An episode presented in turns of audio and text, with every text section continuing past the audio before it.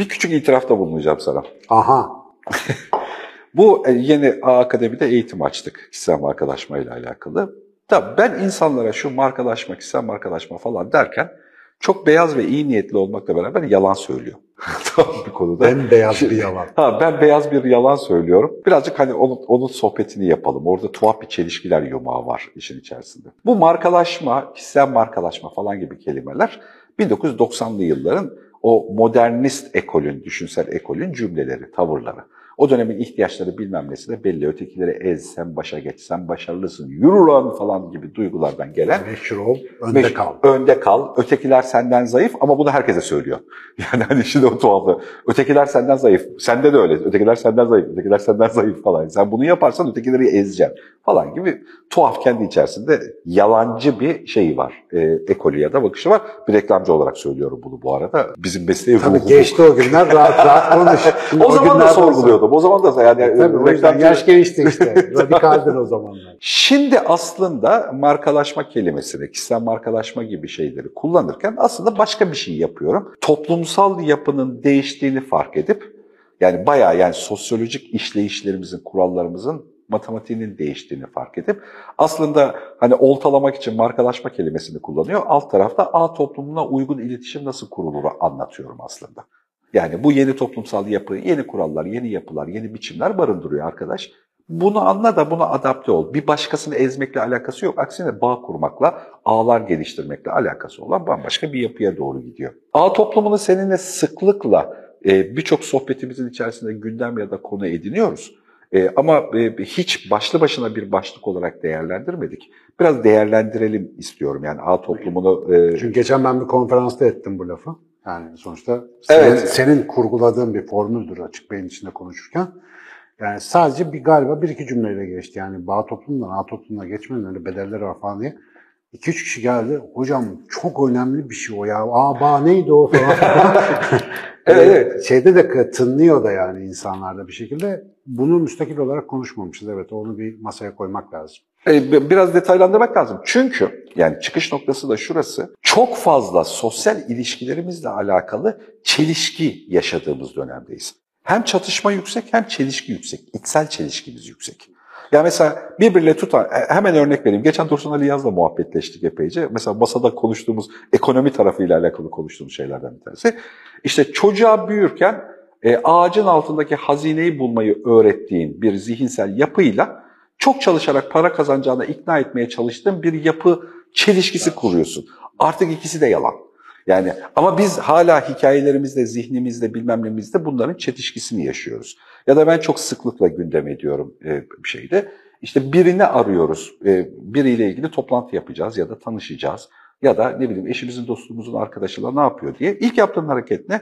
Eşe dosta sormuyorsun. İnternete giriyor Google'a adamın adını soyadını yazıyor. Ne yapıyor diye bakıyorsun. Çok yani normal rutinde yaptığımız bir şey değil mi? Mesela bu şey bir şey bile değil. Böyle yapınca çok, ya böyle anlatınca çok tuhaf ama yani. Her gün yaptığımız bir şey ama artık bu adet yani. Adet yani normal bir şey. Ama şimdi bak konuyu değiştirelim. Buradaki çelişkiyi fark ettirmek istiyorum. Şimdi konuyu buradan böyle kenara koydum. Sen dijital ortamda nasıl var oluyorsun diye sana sorduğumda, abi sen hani Google'da seni aradığımızda ne çıkıyor diye sana sorduğumda sen tabii hiç iyi bir örnek değilsin konuyla alakalı. hani şeyde birden zihinsel olarak şablon slide değişiyor. Bir önceki slide gidiyor, onun yerine şöyle bir slide geliyor. Ya internet zaten böyle eğlence yeri değil mi? İşte ne bileyim sosyal medya yani böyle kıvır kıvır adamların yeri canım ben orada bir şey yapmıyorum. Ya aslında ilgilenmek de lazım galiba ama yani ne bileyim. Böyle bir fotoğraf geliyor. E, abi bir öncesinde az önce işte Metin Piyale diye aradın ya işte adamın kendisine diye bir şeydi. Bak Metin Piyale de beni aldı. 20 senelik arkadaşımdı. Hani az önce Takipteyim Metin Bey. bir, döndün hani adamı hani onu merak ettiğinde rutin aradın. Bir de mesela kanaate de vardı. Hani adamı aradım bir de şey dedin ha bu adam bunu yapıyor, şunu üretmiş, şunu şöyle. Vay bak kitap da yazmış falan. Hani bilgiyi oradan edindin. Ama sonra kendinle alakalı hani yok ya internet zaten eğlence için bir yer. Ben orada öyle olmak istemiyorum falan gibi tuhaf bir zihne geçiyorsun. Mesela bu bir hikayelerin birbirleriyle karıştığı, yeri gelince 90'lardan hikayeyi aldın, yeri gelince bin sene öncesinin hikayesini aldın. Toplumsal yapının yeni haline adapte olamadığın bir çelişkiler yumağı. Böyle baktığımızda yani o kadar çok parayı algılamada, işte sosyal ilişkilerimizi algılamada, iş yapış biçimlerimizde, örüntüler halinde birbirine girmiş bu çelişkileri yaşıyoruz. Ve iddia ederek söylüyorum, iş yapmayla alakalı iyi bir fikir geliştirme, iyi bir iş organizasyonu kurmanın karşılığı yapılanması %30-40 sa başarılı bir işte. %60 oranında bu çelişkileri yönetme sorunu var. Yani, Adapte olma meselesi aslında. Evet yani yeni bir şey var. Yani hani konuya bu yumaklara, bu hikaye kalıplarına, bu formlara girmeden bu yeni bir şeye e, fark Bu tip çelişkilerin günlük hayatta da şöyle bir sorunu var abi. Lafta düzeltiyorsun. İlkede sorun yok. Ama kriz anında Zihni yine öteki tarafa gidiyor. Eski tarafa gidiyor. Yani evet. O, dolayısıyla o kararlar seni işte yanıltan kararlar olabiliyor mesela. O yüzden sözü özü bir olma meselesinde bu aslında muhtemelen belki de bu yüzden açık beyinde biz muhabbet ederken olgunlaşmış da bir şey. Sen bunu zaten önceden fark ettiğim bir set var ama biz niye üstüne çok konuştuk? Şimdi sen bu anlatıyı yaptığında fark ediyorum. İnsanın fabrika ayarlarında konu neydi zaten? Bir tabiattaki bir ayarlar vardı. Bugün onlarla yaşadığımız çelişki. Şimdi insan birkaç yüz bin sene, milyonlarca sene adapte olduğu bir sistemin son işte 100 yıldır, 50 yıldır yani bambaşka bir versiyonun içinde yaşamak zorunda. Hiç alakası bile yok. Orada her şeyde çelişki yaşıyor. Şimdi bu da kültür de o kadar hızlı değişiyor ki kültürde bile bir fabrika ayar uyumsuzluğu söz konusu. Ama kültürde bir avantajımız var. Onu eskiden, eskidekini de biz uydurduk. Bunu da biz uydurduk yani bir şekilde daha kolay. İnsanın fabrika ayarlarında aslında ben o yüzden onun önemli bir teori olduğunu hep en başından beri iddia ettim ve söylediğim şeylerden bir tanesi. Çok temel bir çelişki gırtlağından yakalamışsın. O çelişki de şu. Şu anda yeni sosyolojik ilişki formatımızda e, bizim biyolojik varlığımızı reddeden reaksiyonel tavırlar barındırıyor içinde. Yani bizde biyolojik ol, olmayan, biyolojik olarak varlığı mümkün olmayan şeylerle alakalı sosyolojik olarak sanki varmış gibi bir kültürel form oluşturmaya çalışıyoruz. İstek, arzular ve ittirmeler var. İttirmeler var. O yüzden sen onu yani tam omurgasından yakalamışsın. Yani insanın fabrika ayarlarıyla alakalı söylediğin şey. Sen de bunu ayıkma, ayıktırmak için tekrar hani evrimden kadim bilgiye dayalı 360 derece dönen bir skalayla bir yorum oluşturuyorsun ki bu gerçekten o yüzden onu teori yapıyor. Yani bir teorik bakış açısı yapıyor. E, bendeki bunu tarif ederkenki durumu da daha çok iletişim tarafıyla alakalı bu ayağı fark ediyorum. Aynı şey gerçekleşiyor iletişim tarafında da. Yani zihinsel duygusal yapımız 150 kişilik bağlı bir ilişkiler yapısı yönetmeye müsait. Ama biz 5 milyar adamla masada oturuyoruz ve orayla ilişki kurmaya çalışıyoruz. Ve bu sefer yani şöyle oluyor ya gerçekten. Mesela belki bunlarla evlenirim, telefon listem var. tamam e, Çünkü o, o yani seçeneklerin 5 milyar olunca e, bir şeyde ya da mesela şey yarın öbür gün bunlardan bana iş çıkar ilişkileri var ama yani insani vasfında böyle bir durum yok ki. Bu başka bir metodoloji. yani. Onunla ilişki kurma biçimin eskiden etrafında oturan insanlarla ilişki kurma biçimin aynı olamaz. Yani evet, evet. başka bir düzeyde bağlısın onlara.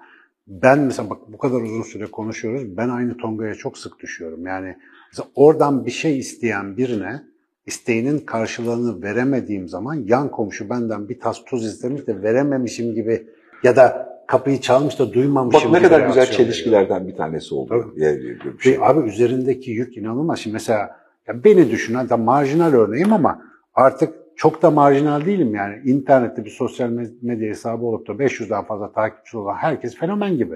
Yani bir sürü insanla ilişkideler ki takip ettikleri 500 kişi değil ya da takiplerinde olan 500 kişi değil.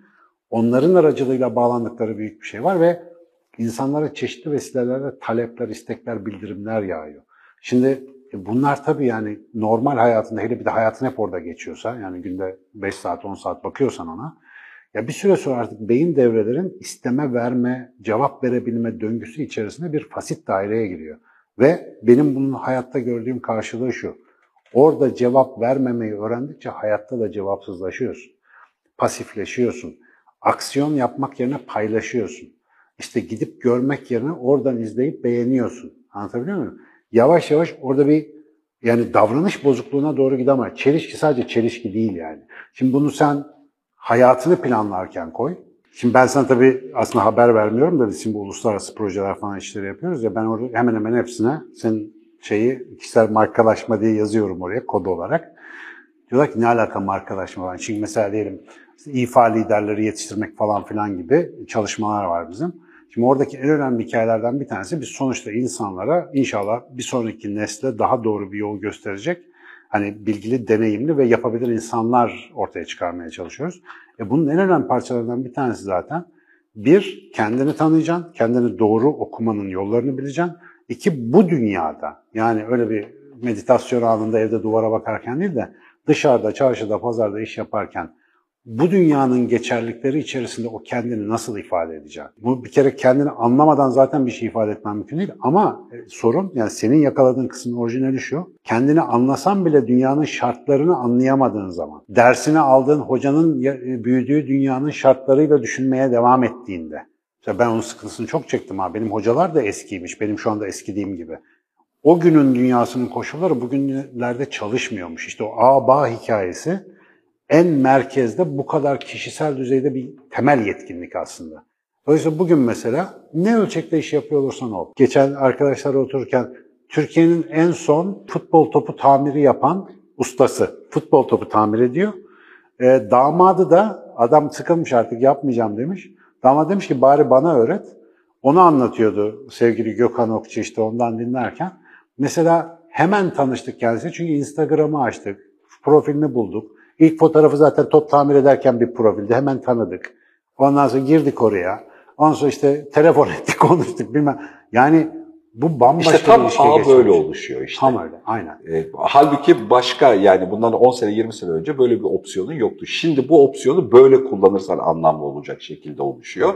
Ve bu çok acayip, üretkenliği çok hızlandıran konulardan bir tanesi. Bir de geçen ne oldu? Birisinden bahsediyoruz. Ondan sonra ben tanıyamadım falan. Instagram açtım tabii otomatik. Baktım öyle bir isim yok.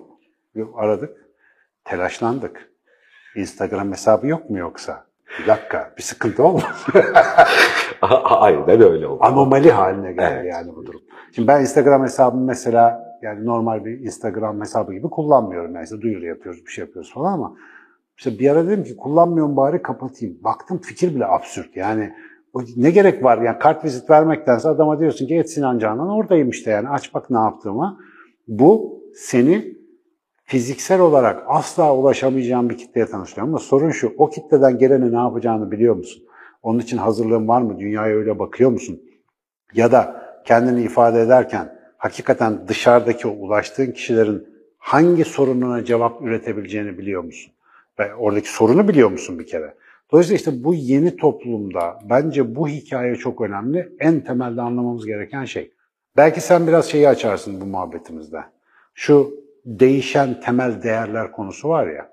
Mesela ben onu çok önemli buluyorum. Yani en temelde yani bu budur dediği, dün benim babamın dediği şeyler bugün çalışmıyor mesela. Başka şeyler yapıyoruz bugün. Ya e, e, hep birinci bu bu arada yeni fark ettiğim yani ben de işte ilerlerken mesela bunu masada anlatıyoruz, konuşuyoruz. Masada anlatırken, konuşurken çok eğlenceli. İşte normalde şirketlerde kalabalıkta bilmem ne de beraber çalışırken ya da anlatırken yani konuşmacı olarak ya da bir proje içerisinde çalışırken hep çok eğlenceli bulunuyor. Fakat bir şeyin e, düzgün anlaşılmadığını fark ettim. O da şu.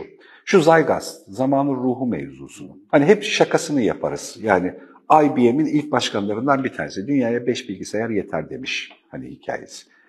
Aa dangalığa bak yani hani burada bu burada. Halbuki o dangalak dediğin adam kartlı sistemde dünyada ilk bilgisayarın oluşmasını sağlayan adam.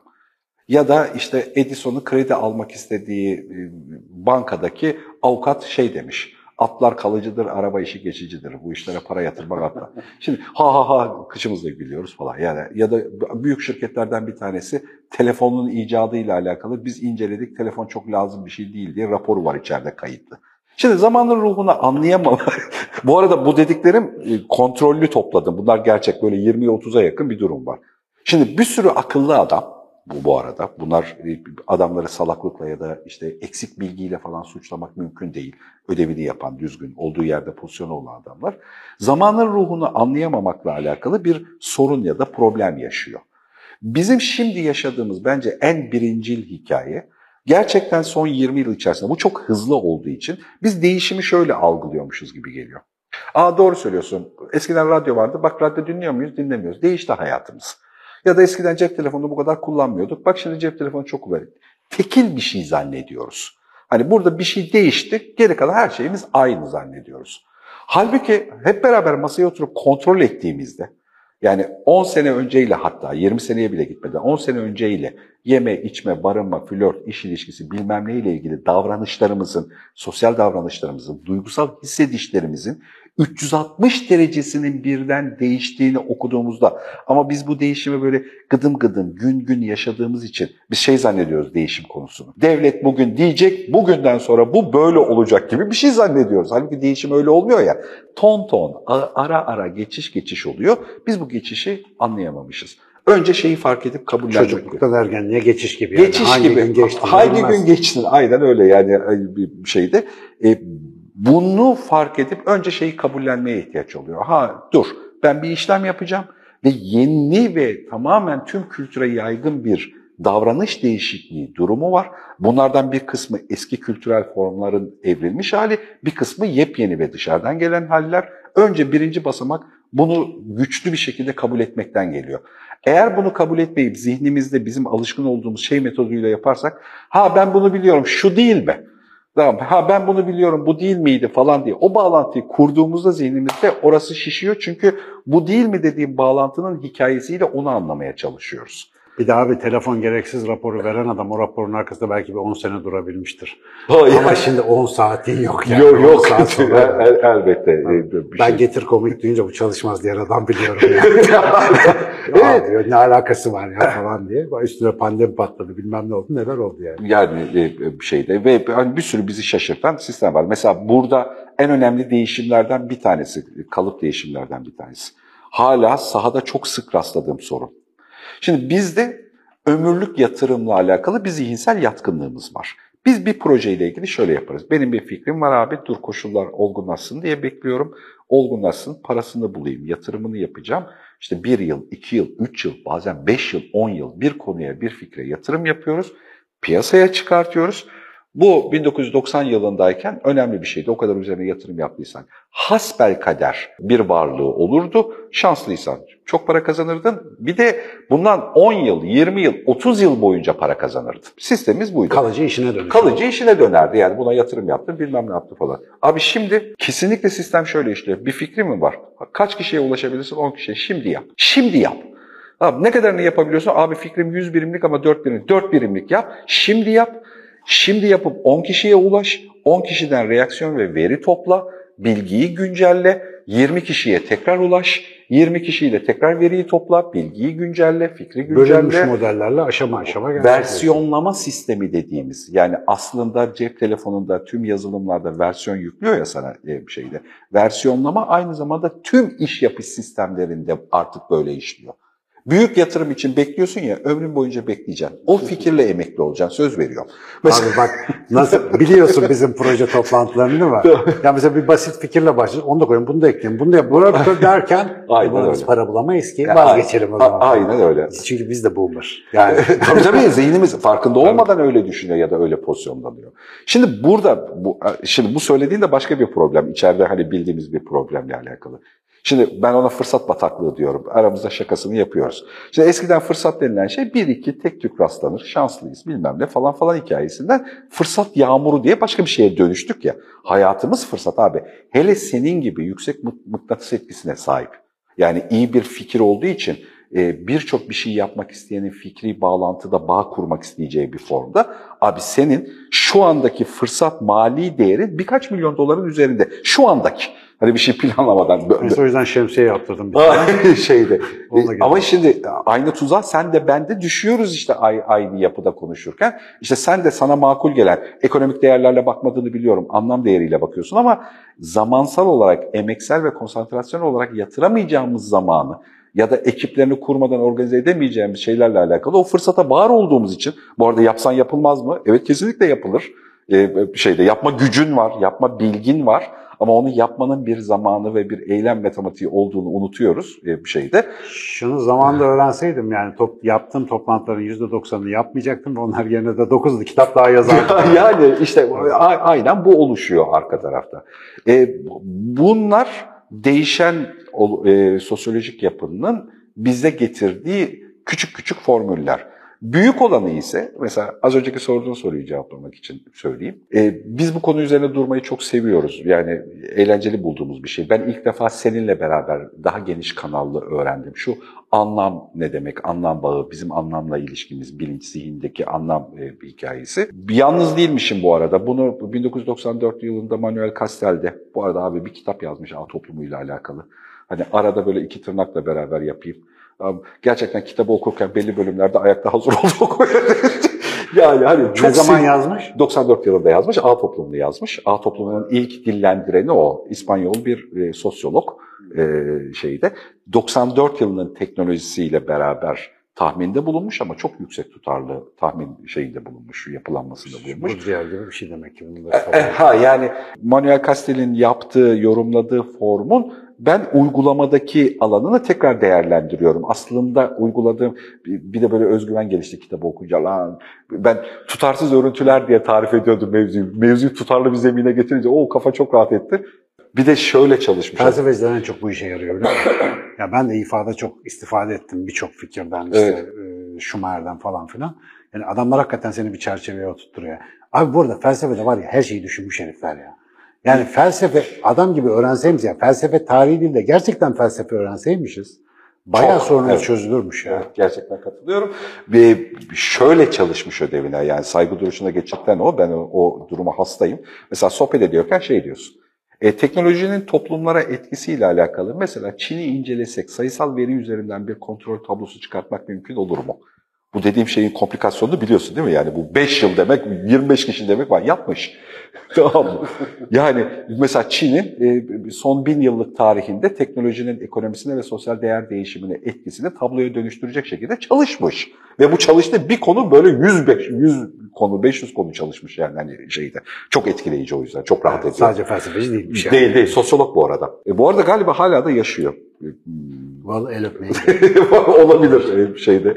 Ben öyle Mandelbrot'u kaçırdım. Herif öldü 2010'da ya. Ha gittim ha gideceğim dedim adam küt diye gitti vallahi. Yok yok buna da gidilir gerçekten. Bu vallahi. tuhaf, güzel, çok güzel ödev yapmış. Hani ben benim tanımımla çok güzel ödevini tamamlamış. En temel büyük değişimlerden bir tanesi bu dönemde şu anlam kaybı mevzusu. Biz şimdi kimliğimizi oluşturmak için, bir kimlik var etmek için toplumla ilişkimizde kimliğe karşılık anlamlar yaratırız ya. Mesela Müslüman ve e, İslam dünyasına ait olmak bir anlam grubudur. İşte Türk olmak bir anlamdır. Trabzonlu olmak bir anlamdır. Trabzonlu Farozlu olmak başka anlamdır. Ofise yani, bambaşka bir anlamdır. Ofluysa bambaşka bir anlamdır. Hatta Trabzonlu bile. Öğretmen olursun, öğretmenlik başka bir anlamdır. Esnaf çocuğusundur, başka bir anlamdır. Bunların hepsi anlam paketleri. Senin kimliğini belirler bu anlam Aynı zamanda davranışlarını da yönlendiriyor. Yönlendirir, kültürünü belirler, davranışlarını yönlendirir ve ömrün boyunca da bu kimlik seninle beraber kalır. Kalıcı olarak devam eder. Abi bu patladı. Bu patladı mevzusunun iş hayatında para kazanmak için o kadar çok fırsatı ve dezenformasyonu var ki. Yani mesela bu patladığı anlamak zihinsel. Bu arada sen bunu acayip kullanıyorsun. Yani hani bir sürü yerde. Bu bildiğin patladı. Yani dilde hep o çelişkiyle beraber kullanıyorum. Yani Türküz, çok seviyoruz. Milli duygularımızın en yüksek olduğu dönemde %76 oranında yurt dışında yaşamak istiyoruz. Hani böyle patladı mevzu. Tamam mı? Hani İslami olarak siyasete muhafazakar bir dilin ve tavrın en yerleştiği, en yaygınlaştığını düşündüğümüz yerde e, Türkiye'deki en yüksek deizm ve ateizm oranıyla karşılaşıyorsun ve kendini en çok dillendiren yerde. Patladı anne. Anlam paketleri mevzusu patladı. Bunun, İnsanlar sığmıyor artık bunun içine. Bunun içerisine sığmıyor, parçalandı, daraldı ve yeni arayışlar var. İkinci anlam paketi var altta. İşte mesela pozitif kadın ayrımcılığı, cinsiyet ayrımcılığı ikinci anlam paketi. Mesela dinle alakalı çok riskli şeyler söyleyebilirsin. Biraz linç yersin, tölere edersin. Yiyorsa Sinan Hocam kedi tekmele şurada. kedi tekmelemeyeyim de tekmeleyenlerin de bir sebebi vardır diyeyim mesela. Değil de mesela hayır yani kazara da tekmele. Hani hani bunun neden yaptığını boş verelim hani e, şeyde onu toplayamazsın. Mesela yeni anlam paketi yani e, hayvanlarla ilişkimiz, hayvan sever olmak zaruri yeni kimlik formlarından bir tanesi. Tam da kültüre oturmadı, dağınık bir halde kendi içinde. Ya da işte çok şakasını yaptığım konulardan bir tanesidir. 365 gün yaşıyoruz, 3000 civarında özel gün var. E, çünkü anlamda orası patlayınca yeni insanlar anlam ihtiyacı zaruri bir ihtiyaç. Kendi kimliğini pozisyonlandırmak zorunda. O pozisyonlandırma için koşarak yeni anlamlı ve aidiyet duygusu geliştirebileceği, kendi kimliğini tamamlayacağı yeni yeni bir şeyler arıyor. Kerteriz noktaları arıyor. Şimdi bunun iş hayatındaki karşılığını tüm şirketlerin davranış ve işleyiş modellerinde ne kadar büyük bir bütçeyi buradaki deliklere harcamak zorunda kaldığını fark edince insan tüyleri diken diken oluyor. Ki bir kel olarak benim bile. Saçlarım diken diken Şey de var, şu, şu da var galiba. Mesela bir yeni nesil geliyor ya şimdi mesela. Yeni nesil normalde bu değerler içerisinde büyüyor. Tabii tabii. Ama mentörlüğünü eskilerden alıyor ya. E, şimdi çelişki sorun var. dediğim çelişki dediğim şey de tam olarak böyle oluyor. Bildiği hikaye farklı, manipüle ediyor. Post-truth'un oluşma gerekçesi. Eskiden getirdiği bir bilgi hikaye sepeti var. Gerçekten 18 yaşında herhangi bir kişi annesinden, babasından, dedesinden, bin yıllık öykülerden öğrendiği bilgiyi getiriyor. Burada manipüle edilmiş başka bir şey için kullanıyor. Asıl yani o hikaye bu konumu desteklemiyor. Yani orada tuhaf çaprazlıklar yaşıyor kendi içinde. Evet, Ve davranış olarak da acayip bir geniş bir tuhaflık yelpazesi olarak karşımıza çıkıyor. Ve Bu- bunu bunu fark edip yönetmek Hafıza silme. Bu Jill'in, Jill Bolte Taylor'ın geçirdiği inmede mesela sol tarafına inme inince eee, şey diyor, şimdi sol taraf tabii bizim geçmiş anılarla bugünün bağlantısını kurmakla uğraştığı için bütün travmalar, dertler, keşkeler, yet- yetersizlik hisleri falan onunla alakalı. Sol tarafa kan damarları tıkanıp da kan gitmeyince diyor ki lan ana diyor bir oldum ben diyor böyle bir gevşeklik, bir özgürlük falan. Yani aslında belki de herhangi bir şeye başlamadan önce hayatında böyle bir hafıza silme prosedürü çok iyi olabilir. Yani bu tabii evde denemeyin öyle bir şeyle olmuyor ama hakikaten o bütün öğrendiklerini bir kenara bırakıp her şeyi yeni baştan sorgulayabilme meselesi ama tabii işte tam burada mesela bu çalışma gibi rehber olacak bir başlangıç lazım. Yani her şeyi sıfırdan çakmak taşıyla başlayamazsın. Yani bir şema lazım. Ne değişti, neye dikkat etmen lazımı söyleyecek bir rehberler de lazım. Zaten biz birbirimize böyle bir nevi içgörü sağlıyoruz. Yani konuşuyoruz, yaptığımız iş bu. eğitimi de var vesaire. Hani bununla beraber sohbetinde yapıyoruz. Ama özelinde şeye herkese genele yaygın bir şekilde şeye yönlendirmek e, çok hoşuma gidiyor. Yani 40 yaşındaki bir adamın yaşam tecrübesi çok acayip fırsatlar verebilir. Kendi gözünü bir şeyle kapatmadığı sürece. E, Evet. Biraz el freni çekip kalıcı bir şekilde dur lan yani hani burada bir şeyler değişti madem değişimi ben tekrar yeni tecrübemle beraber okuyayımın ruh hali gerekiyor. Yeni Dünyanın Cesur İnsanı birinci madde. Dur. E, Gerçekten yani hani yeni dünyanın cesur insanının bence böyle bir hep beraber bilgiler ve e, belli örüntülerden puzzle yaptığımızı varsayarak buranın en renkli ve önemli köşesindeki puzzle'larından bir tanesi, puzzle parçalarından bir tanesi o sohbet. Çünkü e, bunu yapmadan geri kalan her şeyde şöyle oluyor. Yani en çok duygusal defanslardan çektim abi. Yani mühendislik harika, elinde biriktirmiş. E bilgi desen var, e, fikir desen organize etmiş, geliştirilmiş, yapamıyor. Yani ve Ya bak geçen hani bir bölümümüzde senin Müslüman olduğun hakkında konuşuyorduk. Tabii bunun altını çizmeyi seviyor. Tabii, evvelsi, ama evvelsi akşam Dücane Cündoğlu'nun canlı yayınına denk geldim. Şimdi YouTube'da akşam evde otururken açtım televizyonda. Kader konusunu falan konuşuyor. Mesela orada insanların duygusal yatırımı olan şeyleri neden hayatlarından çıkaramayacaklar anlatıyor. Mesela çok güzel bir noktaya gelmişti. Bir işte o da tabii inan- din inanç falan konuşuluyor ama inanca çoğu insan o kadar çok yatırım yapıyor ki eğer hakikaten işler ters gider de hani dünyanın inandıkları şey gibi olmadıklarını gördüklerinde onu bir kenara koyamıyorlar. Onu kendileriyle taşıyabilmek için şeklini değiştirip nefret unsuru haline getiriyorlar. Yani illa ondan nefret etmesi gerekiyor insanın. Şimdi o kadar zor bir şey ki duygusal olarak içinde yoğrulduğun bir şeyi bir kenara koymak.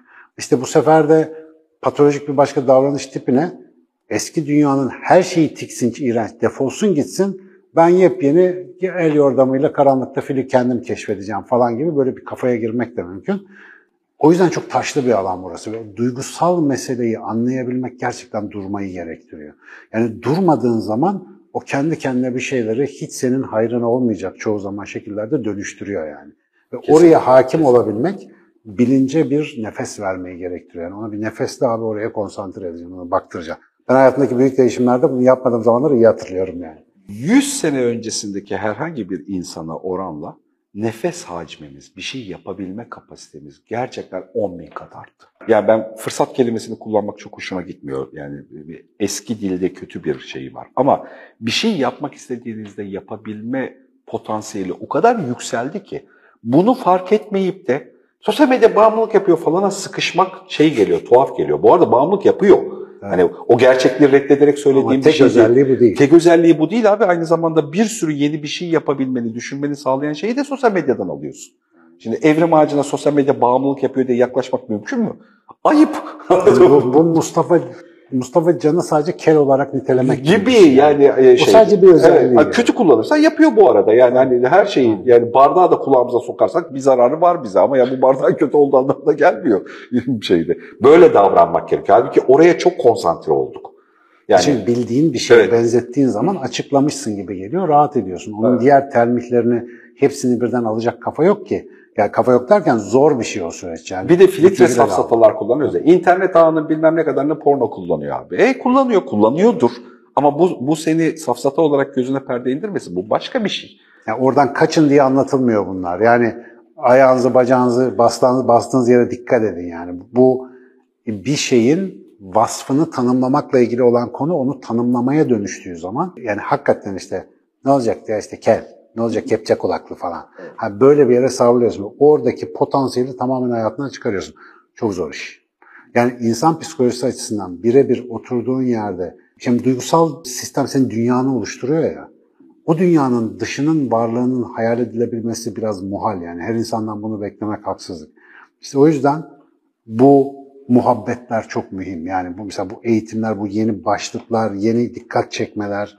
Yani işte gelişmekte olan insana bizim hep derdimiz yarın kendimizin daha iyi versiyon olmak değil mi? Yani en önemli belki söyleyeceğim şey Oğlum bırak standart yetkinlikleri artık. Yani başka şeyler söyleyenlere bak. Tam bunu destekleyecek şekilde sen de bu söyleyeceğim şeyin çok önemli aktörlerinden bir tanesin aynı zamanda. Mesela herkesin birer kanaat önderine dönüştüğünü ve kendi ağ yapılanması içerisinde bağlı olduğu ağ gruplarında bazı konularla ilgili kanaat önderi olarak pozisyonlanması gerekliliğini fark etmek. Bazı konularda Bazı konularda. O işte o konuyu da o kişi bilecek ama. E, tabii. Yani bulacak. Ve şu basitlikte konu. Şimdi bunu en son arkadaşımızın kızıyla sohbet ediyorum. Yeni resim bölümünü kazanmış. Şimdi resim bölümünü kazanana kadar nasıl bir süreç geçirdin dedim. Bir yıl boyunca şöyle çalıştım, sınavlara girmek için böyle yaptım. İşte e, hem dijital çizimle alakalı şunu yaptım, şunu öğrendim, işte egzersizleri şöyle yaptım falan. Harika bir öykü. Kaç kişi sence bu sene sınava girecek resim bölümüne girmek için? İşte bin, on bin, yüz bin kişi girecek. Kanaat önerirsin onlar için. Aynen. Bu tecrübenin kendisi çünkü şöyle e, artık bireysel olarak Kayseri'de, Trabzon'da, Samsun'da yalnız, bak sen yalnız geçirdin o süreci. Yalnız duran çocuğun e, kendi tecrübelerini kopyalayabileceği, alabileceği alanla alakalı bir fırsat oldu. Tabii. O deneyip zaman kaybettiği ya da duygusal olarak yıprandığı süreçler yerine sen kendi deneyimlerini düzgün bir alan içerisinde paylaşırsan bunu isteyen adam için kanaat önderisin işte. Ha sen onu öyle çözdün. Dijital, dijital lazım değil mi? Dur bak ben bunu düşünmediydim mi? Buradan öğreneceksin. Şimdi bak çocuktan bahsediyorum bu arada. Yani hani 18 yaşında resim bölümünü kazanan, birinci sınıfa yeni giren birinden bahsediyorum. O bile kanaat önderine dönüştü. Biz kanaat önderi deyince zihnimize şey canlandırıyoruz. Evet, Atatürk ve İsmet İnönü falan ya öyle değil. Bizim e, stajyerimiz var bir Aleyna'mız şimdi grafik tasarımda. Bana şey sormaya geldi. Hocam diyor ben sizin konuşmalarınızı uzun zamandır takip ediyorum daha lisede. Babam diyor size çok benzer şeyler söylüyor diyor da yani bir taraftan hoşuma gidiyor bir taraftan endişeleniyorum çünkü diyor babası şey diyormuş. Ya okula çok da ihtiyacın yok aslında falan diye. e dedim ne güzel çok şanslısın falan. Annem dedim ne diyor? Annem diyor o konuda çok kafası karışık dedi. Bak dedim bu daha sağlıklı. Yani iki tane deli olsa başına sen iyice delireceksin. Çünkü çocuk bak düşün bir çocuğun bundan daha iyi duymak isteyebileceği bir şey olabilir mi? Okul çok da lazım değil falan diyen gayet gevşek bir e, alan bırakan babası var mesela. Etrafındakiler boomer çocukları ağırlıkla muhtemelen onlar için okul hala muhtemelen hayat memat meselesi. Bir tasarım yapmıştı bize çok güzel. Bir işte, işte yakında yayınlanacak ya da yayınladık mı bilmiyorum. Yayınlamadık da herhalde. Dedim ki bak sana senin ihtiyacın olan şey o tasarımı yaptığın zaman hissettiğin o duygu var ya. O sırada biz onu beğendik ya. O dedim sana hayat boyu lazım. Bunların sayısını arttır falan. Babam dedi buna çok benzer bir şey söylüyor falan. Artık böyle babalar var yani çok şükür. Yani bu zaman onu gerektiriyor. Ve bu çocuklar yarın bir gün işte gelip de okulda bilmem kendilerine artistik yapın işte alo diyecek. Ben girmiyorum bu derse. Çünkü dışarıda daha kolay öğreneceğim bunu ama bu çocukcağız gibi yani öğrenebilen, yapabilen birisi için bu dünya çok güzel. Öyle işte ergen anarşist modeli ben her şeye karşı ona da karşı onlar için daha eziyetli bir dünya. Çünkü karşı çıkmaları gereken çok şey var artık. Yani eskisi gibi sadece okulu kapatıp da gidip orada bilmem nerede sigarayı yakınca çok havalı anarşist oluyordun ama artık öyle bir dünya yok. Bayağı Bazı şeylerin yapısal olarak değişmiyor ki. Merak edeceğin kavramı değişmiyor. Merak etmiyorsan cesetsin yani. Hani merak edeceksin. Ee, yaşına göre e, performansı değişmekle beraber çalışacaksın.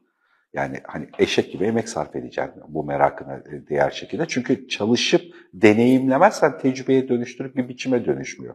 Çalışmazsan gittikçe sulandırılmış bir e, şeyle gidiyorsun. Yani çalışırsan yoğunluğunu arttırıyorsun hayatın deneyimi. Bir de yani bu şeyin içerisinde, anlatının içerisinde bu birikimler kanunu hikayesi var ya yani böyle işte fırsat bekle, bir okul bitir, bir, bir şeye gir falan filan ya da işte bir işe kabul al.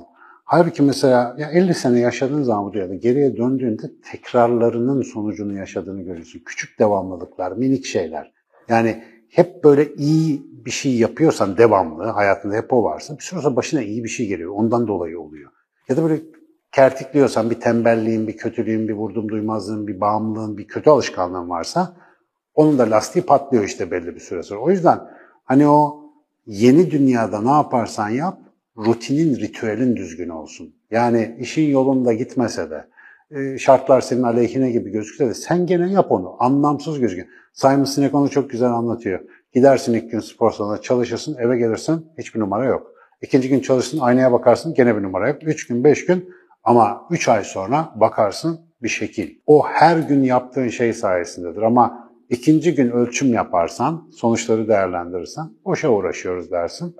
O yüzden işte bu rutinleri oturtturmak için de değerler seti, o yeni değerler setini çok iyi anlamak lazım. Ben nereye vakit yatırayım yani? E, bir şey aldanması lazım. için altını çizmek istedim e, öte tarafta. Yani sanki burada bu, bunlar sana yeni bir e, fırsatlar sepeti veriyor. Bunu yapınca çalışmaya gerek olmayacakmış gibi bir hava da Öyle bir şey değil. Öyle, Aksine zaten, burası çalış. E, sadece çalışacağın, emek sarf edeceğin, merak edeceğin şeyin konusunu doğru belirlemek lazım. Tabii ben, ben mesela bak şimdi ben neye çalışıyorum? Yani benim işim ne?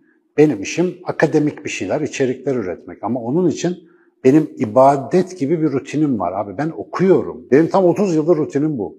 Yani arka planda ben bunu mecburen yapıyorum. Ama sonra onun yaptığı altlıkla Allah'a şükür her mevzuya konuşacak bir şey buluyoruz. Bir içerik üretiyoruz. Bazen diyorlar ki lan ne enteresan hiç aklımıza gelmemiş. Benim de gelmedi ki adam kitaba yazmış. Ben senelerde okurken bir yerden düştü o kafama yani. O rutinleri oturtturmadan işte hep hayattan beklenti, bu eski bir beklenti. Bunu değiştirmek lazım yani. Ve şu anda abi hani bazen hakikaten kıskanıyorum. Yani mesela şimdi YouTube'un, şu sosyal medyanın, bu internette bağlantı imkanının 1990'da elime geçtiğini düşünmek istiyorum mesela. Keşke öyle bir şey olsaydı ben üniversitedeyken. Ha o zaman da artık baloncuk mu patlatırdım ya da işte sabah kadar... Ya değişime şahit olan insanlar olarak en yüksek çelişki grubuyuz bu konuyla alakalı. Ve bence üretimi ya da felsefi sorgulamanın hatta merakın zemininde hep çelişki belirler ya. O yüzden bence bu konuyla alakalı en üretken yaş gruplarından bir tanesiyiz ilgili kaldığın sürece. Ben senin için de kendim için de kendi yaştaşlarım için de öyle düşünüyorum. Elbette işte alışkanlık devşirmek, öğrendiklerinin bir kısmını unutup, biri söylemişti onu güzel, çok güzel bir tarif o. Bir kısmını unutup o kısmın yerine yeni bir şey öğrenebilmek. Alvin Toffler. Evet. Ee, yani 21. yüzyılın cahilleri öğrendiklerini unutup yeniden öğrenemeyenler olacak diyor. Evet yani bu, bu, bu çok altı çizilesi bir cümle gerçekten de. Ama biz bunu yapabil ben benim de bunu yapabildiğimi zannediyorum. Yani merakla bakabildiğin sürece bu oluyor yani.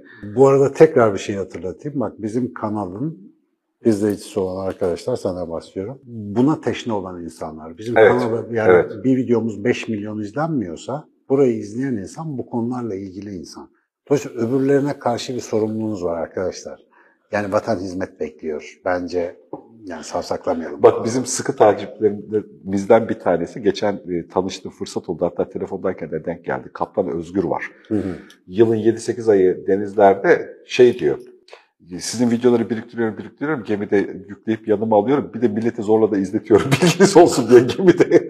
şeyde. Valla savaş pilotu bile var uçakta izleyen yemin ediyorum. İzleyen derken dinliyormuşuz ya. Ama bir şey söylemişti. Daha evvel söyledim mi onu sana abi? O, seni, hocam diyor seni diyor uçakta dinlemek çok hoşuma gidiyor. Nasıl lan dedim savaş uçağında. Niye dedim uçakta özellikle? Dedi sen anlatınca ben birçok şeyi yeryüzünü uçaktan gördüğüm gibi görebiliyorum dedi. Böyle yukarıdan genel dedim aga ben hayatımda böyle iltifat almadım. Muhteşem. Selam ediyorum burada. Tümden gelim iyidir. Örüntü avcılığını Aynen öyle. sağlıyor. Hocam çok çok teşekkür ediyorum. Bunu biraz daha deşelim. Ee, belki altındaki başlıkları kaşırız tek tek. Yani mesela neden multidisipliner eğitimden bahsetmek zorundayız? Bilgi değil bağlam nasıl oluşuyor? Aha bak not edin az sonra. Bütün can canan konuları geliyor şu an. Bak hani bunlar e, bu değişen değer kalıpları içerisinde belki de üzerine sokuyor. Multidisiplin yapıyoruz. Bundan sonraki bölüm multidisiplin.